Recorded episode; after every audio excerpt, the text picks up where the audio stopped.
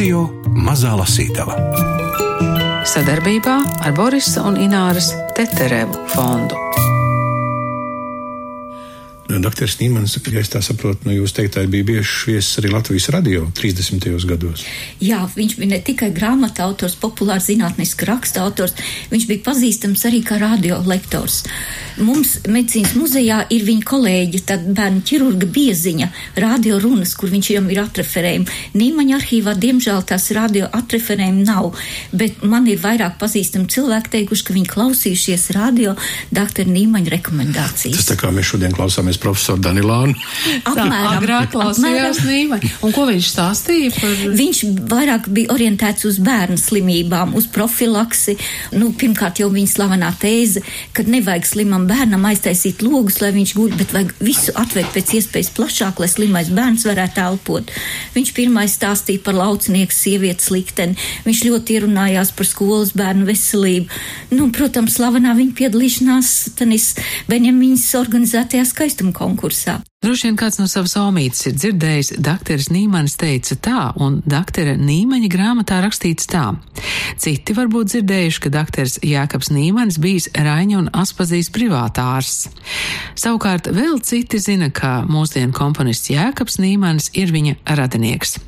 Vēsturniece Rita Grāvera bērnu ārsta Jēkaba Nīmaņa dzīves stāstu nosaukusi Karpe Diem satver dienu, bet mēs kopā ar Gundaru Āboliņu atgriežamies pie intriģējošās epizodes bērnu skaistuma konkursā, kur Jēkabs Nīmanis piedalās žūrijā, bet daudz svarīgāks, protams, bija viņa atziņas bērnu kopšanā.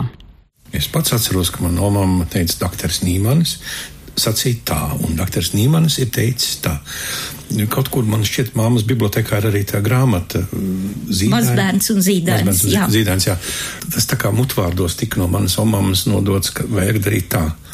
Kad jā, bija kāda slimība, es augstējies, un nu, tad tajā laikā jau tas slimības bija tur divas vai trīs, nebija tik daudz kā šodien pamats tāda skaidrs, bet tad kā tad doktors Nīmans teica tā? Jo viņam, tik, viņam bija tāda ziņā slava, jo pie viņa veda bērns tajā gadījumos, kad parastie ārsti nevarēja noteikt diagnozi. Vēra Gribačs stāstīja interesanti, kā viņa veda. Nu, tādi ir vairāk stāsti, kad nevarēja noteikt parastais ārsts diagnozi, un tad bija skaidrs, doktors Nīmans varēs. Nu, tad veda pie viņa, un līdz ar to, to ko viņš teica, tas bija. Viņš ir dzimis 1892. gadā, 19. gadsimta pašās beigās. Un tas bija tāds laiks, kad latvieši mēģināja skolot savus bērnus, latviešu zemnieks. Un viņi mēģināja skolot bērnus, tāpēc kā caur patvaldība pamazām atļāva arī zemnieku bērniem apmeklēt tādas skolas, ko mēs šodien sauc par vidusskolām, reāls skolas un vidusskolas. Jo līdz tam cirkulāri vispār neatļāva bērniem mācīties. Un latviešu zemnieka lielā apgaismība bija tā, ka viņi saprata, ka viņi neko citiem bērniem neiedos kā vienīgi zināšanas. Un līdz ar to viņi mēģināja. Bet Nīmanim bija vēl viena lieta, ko viņš vienmēr ir uzsvēris.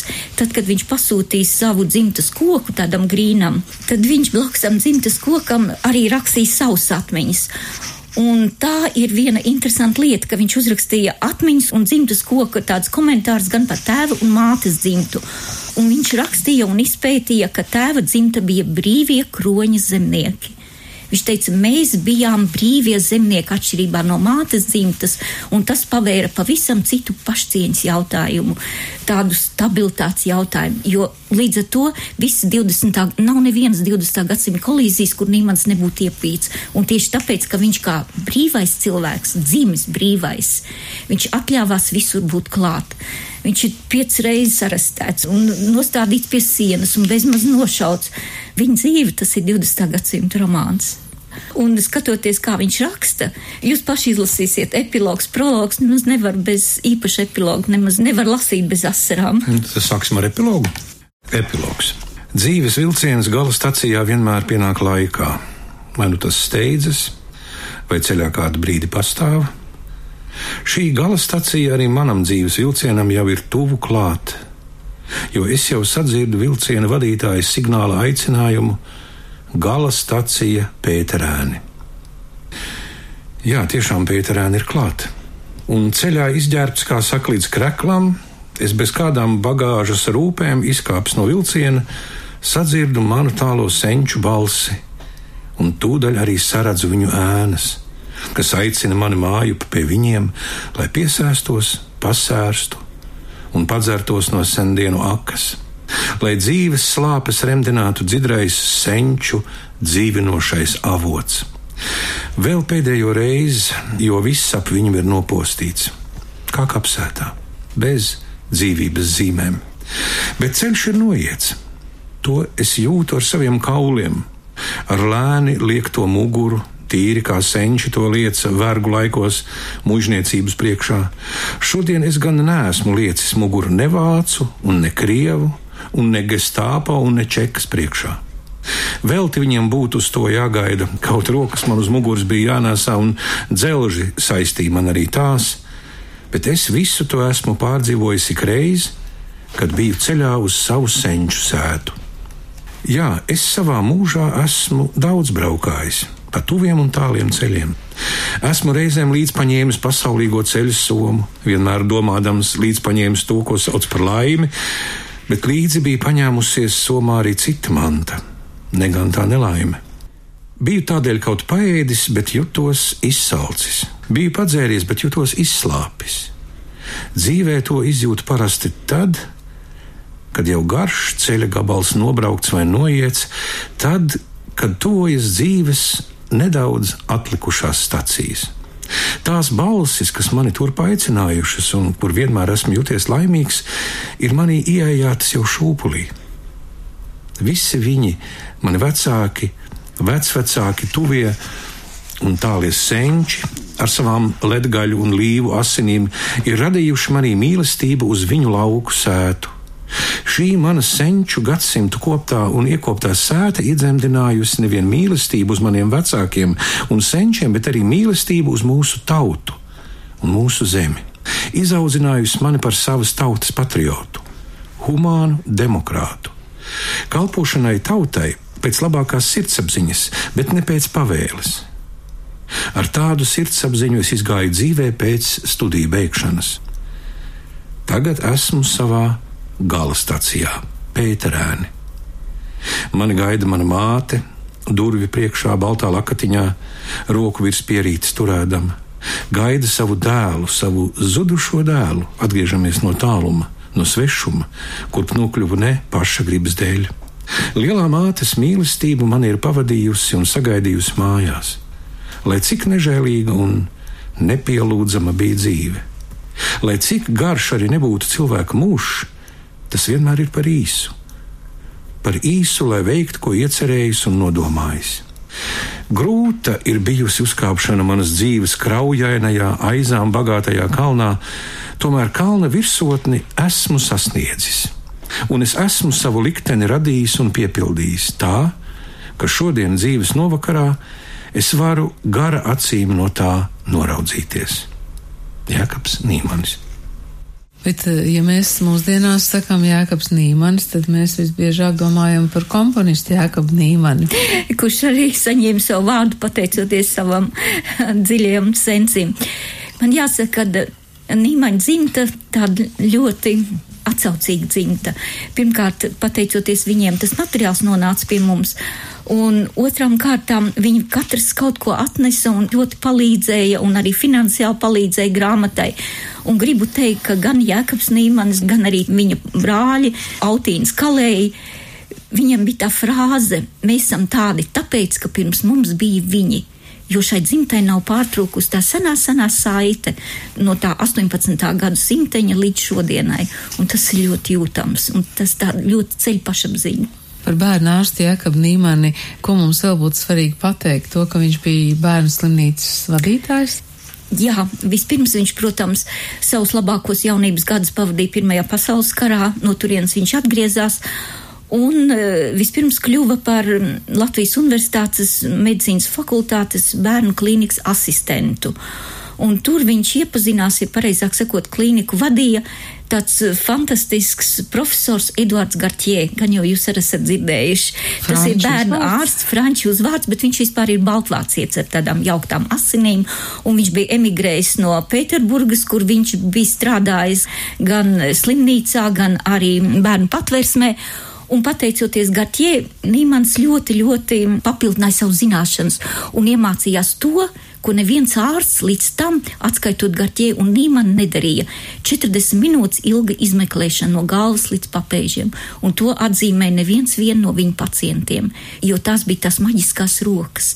Tad, kad uh, viņš stāsta par savu mīlestību un kad tā pēdējā viņa ziemas Viņa mūžā bija trīs mīlestības - pavasara meitene, vasaras meitene, tā bija Aspāzijas māsīca, un, protams, ziemas meitene, ko viņš satika. Tur ir tāda skaista vēstule, kur viņš raksta nepiedodamā ziemas spēlgonī satika savu ziemas meiteni. Un šī ziemas meitene kad sēdēja un klausījās viņa lekcijas, viņai tā mm, biedrene, kas sēdēja blakus, pabikstīja pirkstu un teica tā, paskaties uz rokām, jo tās maģiskās ārsta rokas, ar kādām viņš izmeklēja tos bērnus, tu visu pacientu atzīst. Ziemas meitene Jakobs Nīmans negaidīti uzliesmoja šo jauno mīlestību, nodēvēja par savu ziemas meiteni, kas viņa sirdī uzjundīja pavasari un pirmās mīlestības atmiņas. Un notikās, ka manā dzīvē, ziemā, kad bija uzkritis dziļš sniegs un bija liels sals, es neatļautā vecumā, pasvītroju nepiedodamā vecumā, sastapu ziemas meiteni, sniegputeņa meiteni. Pavisam pēkšņi un negaidīti. Ne sportā, ne dīkdienā, bet atkal grūtā darbā, ļoti drūmā laikā. Tāpat kā šodien, arī tad man vairāk par kailo dzīvību nekā nebija bet jo mazāk kā man ir, jo bagātāks es jūtos. Mana ziemas sala meitene ļoti, ļoti līdzinājās manai bijušajai pavasara meitenei, kas jau bija aiz neaizsniedzamiem kalniem, dzelzs priekškara. Un arī tāpat kā pirmā mīlestība uz mani bija gaidījusi turpat veselus piecus gadus, manu ziemas meiteni es tikpat pēkšņi pazaudēju, bet vai arī es uz viņus gaidīju? Kāda iekšēja balss to apstiprina, sakot, jā, Pēc diviem gadiem es savu ziemas meiteni atkal sastapu. Bet vai viņa un es bijām laimīgāki palikuši? Jau veselas divas saltas ziemas bija pagājušas, mana mīlestība saurietā ar manu ziemas meiteni nevarēja būt ilgstoša pēkšņā aresta dēļ.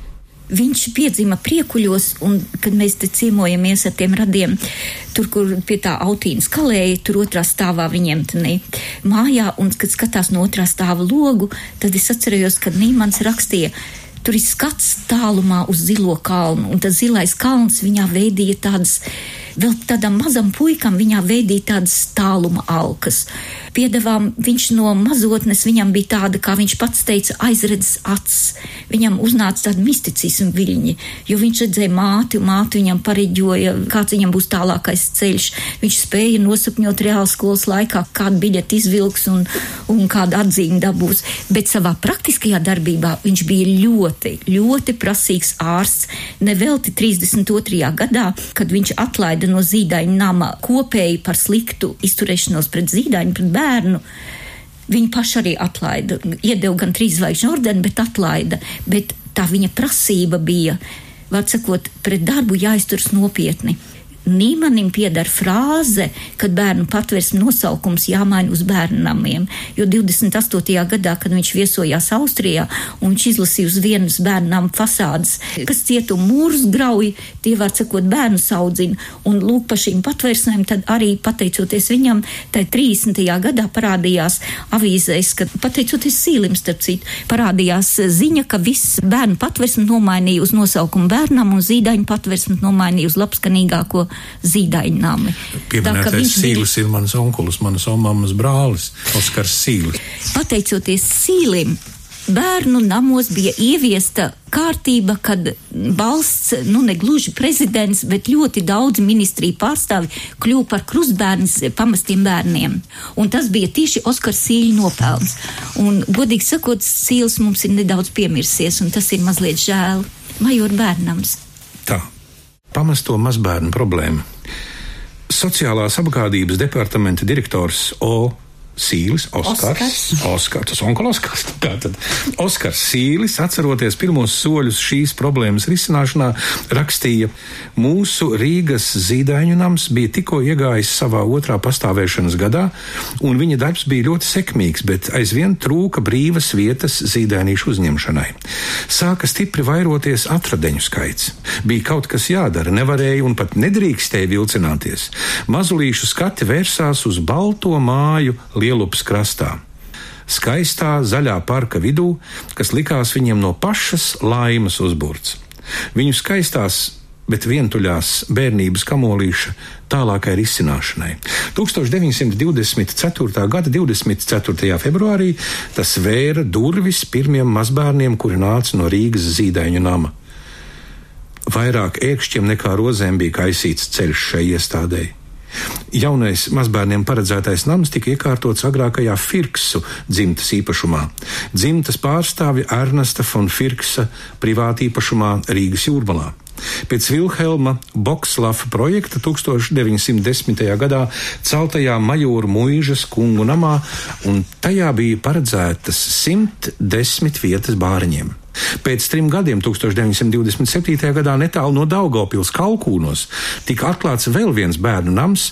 Vēl pēc diviem gadiem, 29. gadā, Kurzemes pusē Liepājā darbu uzsāka mazbērnu iestāde ar 270 gultas vietām. Grāmata beidzas ar paša Nīmaņa 40. gadā rakstītu manuskriptu par auģu vecāku, vispār par atradeņu un mazo bērnu šīm te problēmām manuskripts, kurā viņš raksta kā lai saka, mātes un bērnu aizsardzības vēsturi vispār, tajā skaitā pieskaroties arī tādai lietai kā glābēsilītēm. Šīs glābēsilītes izrādās nāk no kristīgās pasaules laikmet, no baznīcas, un es vienkārši atļāvos, lai gan manuskriptam ir 70 gadu gara vēsture, bet viņš ir ļoti interesants, jo viņš sāks ar folkloru, un tad ir kristietības laikmets, piena lāsa virtu, pirmie bērnu nami, slēgtās bērnu iestādes, vaļējās bērnu iestādes, viss tās problēmas, par ko šodien runā, un ko Nīmans acīm redzot bija domājis, ka viņas aizies nebūtībā, viņš šodien atkal atkalināja tā veidā ir parādījušās, nu, tikpat aktuāli kā toreiz, un līdz ar to tas manuskripts tur ir ievietots lasītāju ievērībai. Bet uh, es tomēr par dienas grāmatu. Jā, es gribēju vai, teikt. Vai Nīmanis visu laiku raksta dienas grāmatu, vai tikai atsevišķi periodi? Es domāju, ka viņš rakstīja, bet nesaglabājās. Man tā šķiet. Jo šī dienas grāmata jau ir pārrakstīta. Viņa nav rokrakstā, bet viņa ir pārrakstīta mašīnrakstā. Un acīm redzot, visi tie garie gadi, kas viņam bija, ļoti daudz ir arī šis tas ir pazudis. Un šī dienas grāmata ir interesanta tāpēc, ka lai kā mēs raksturotu vācu vai padomu laiku, tad, kad to raksta aculiecinieks, tam ir pavisam, pavisam cita noskaņa. 1940. gada 16. jūnijas Daugopilī dziesmu svētki. Klausāmies radio. Ulmanis uzrunā dziesmu svētku dalībniekus no pils. Balsī satraukums. Pagājušā nedēļā smags incidents uz Latvijas PSRS robežas nošauti vairāki mūsu robežsargi un daži aizvesti līdz uz savienību. Sirdī nav miera, visi taujā, kas būs, cik gara nu būs nakts, kad ausīs rīts. 1940. gada 17. jūnijas. Pirmdiena, briesmīga diena. Labāk būtu nepamosties. Iebraucu viens no majoriem Rīgā, neko nezinādams, bet ko ļaunu nojausdams. Ārzemēs jau pagājušo nakti parādīja ziņojuši, ka PSRS Latvijai pieteikusi ultimātu, ka mēs ar Igauniju un Lietuvu esam noslēguši slepenu līgumu militāru uzbrukt PSRS un ka tādēļ tās karaspēks šodien iesoļojot Latvijā. Jau pievakarē redzami tanki un armijas daļas Rīgā ar durkļiem un šautenēm uzbrukumu pozās. Vakarā mēs visi pārcēlāmies no majoriem uz Rīgu. Mums visiem nu bija skaidrs, ka visas cerības ir jāatstāj aiz dzelzs priekškara un jānoliek brīvās dzīves un darba prieks. Mūsu valdība tūdaļ atkāpusies, haoss, pārlaižam pirmo murgiem pilno bezmiega nakti. 18. jūnijas. Drausmīgs garstāvoklis. Darbi vairs nesokas, it kā paralizēti psihiski un fiziski. 22. jūnijas. Pēcpusdienā viena paša braucām ar Fordu uz Cēsim. Brauciens izrādās grūts, jo visi ceļi aizņemti ar Krievu karaspēku. Tēva sētā mirusi daba. Parkā visi košuma krūmi un koki, viss tēva un valda brāļa dārs un daļa manis dēstītā.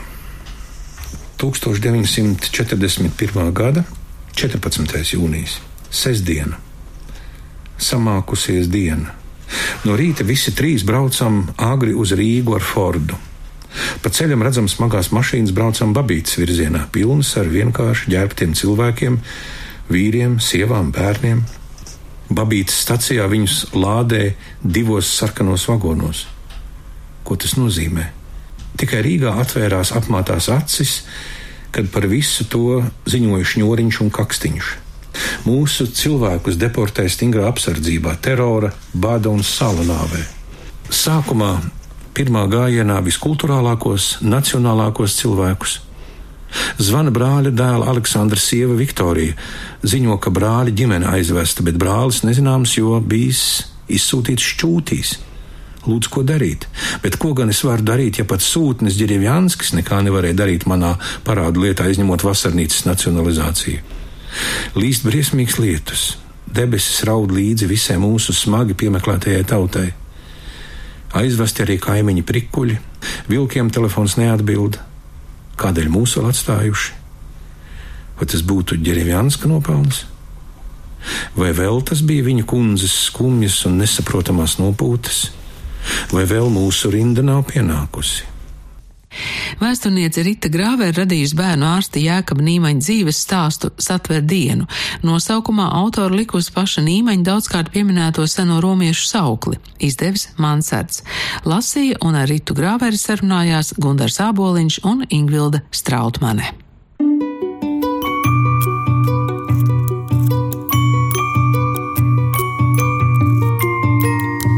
Radio Mazā Lasītava sadarbībā ar Borisa un Ināras Teterevu fondu.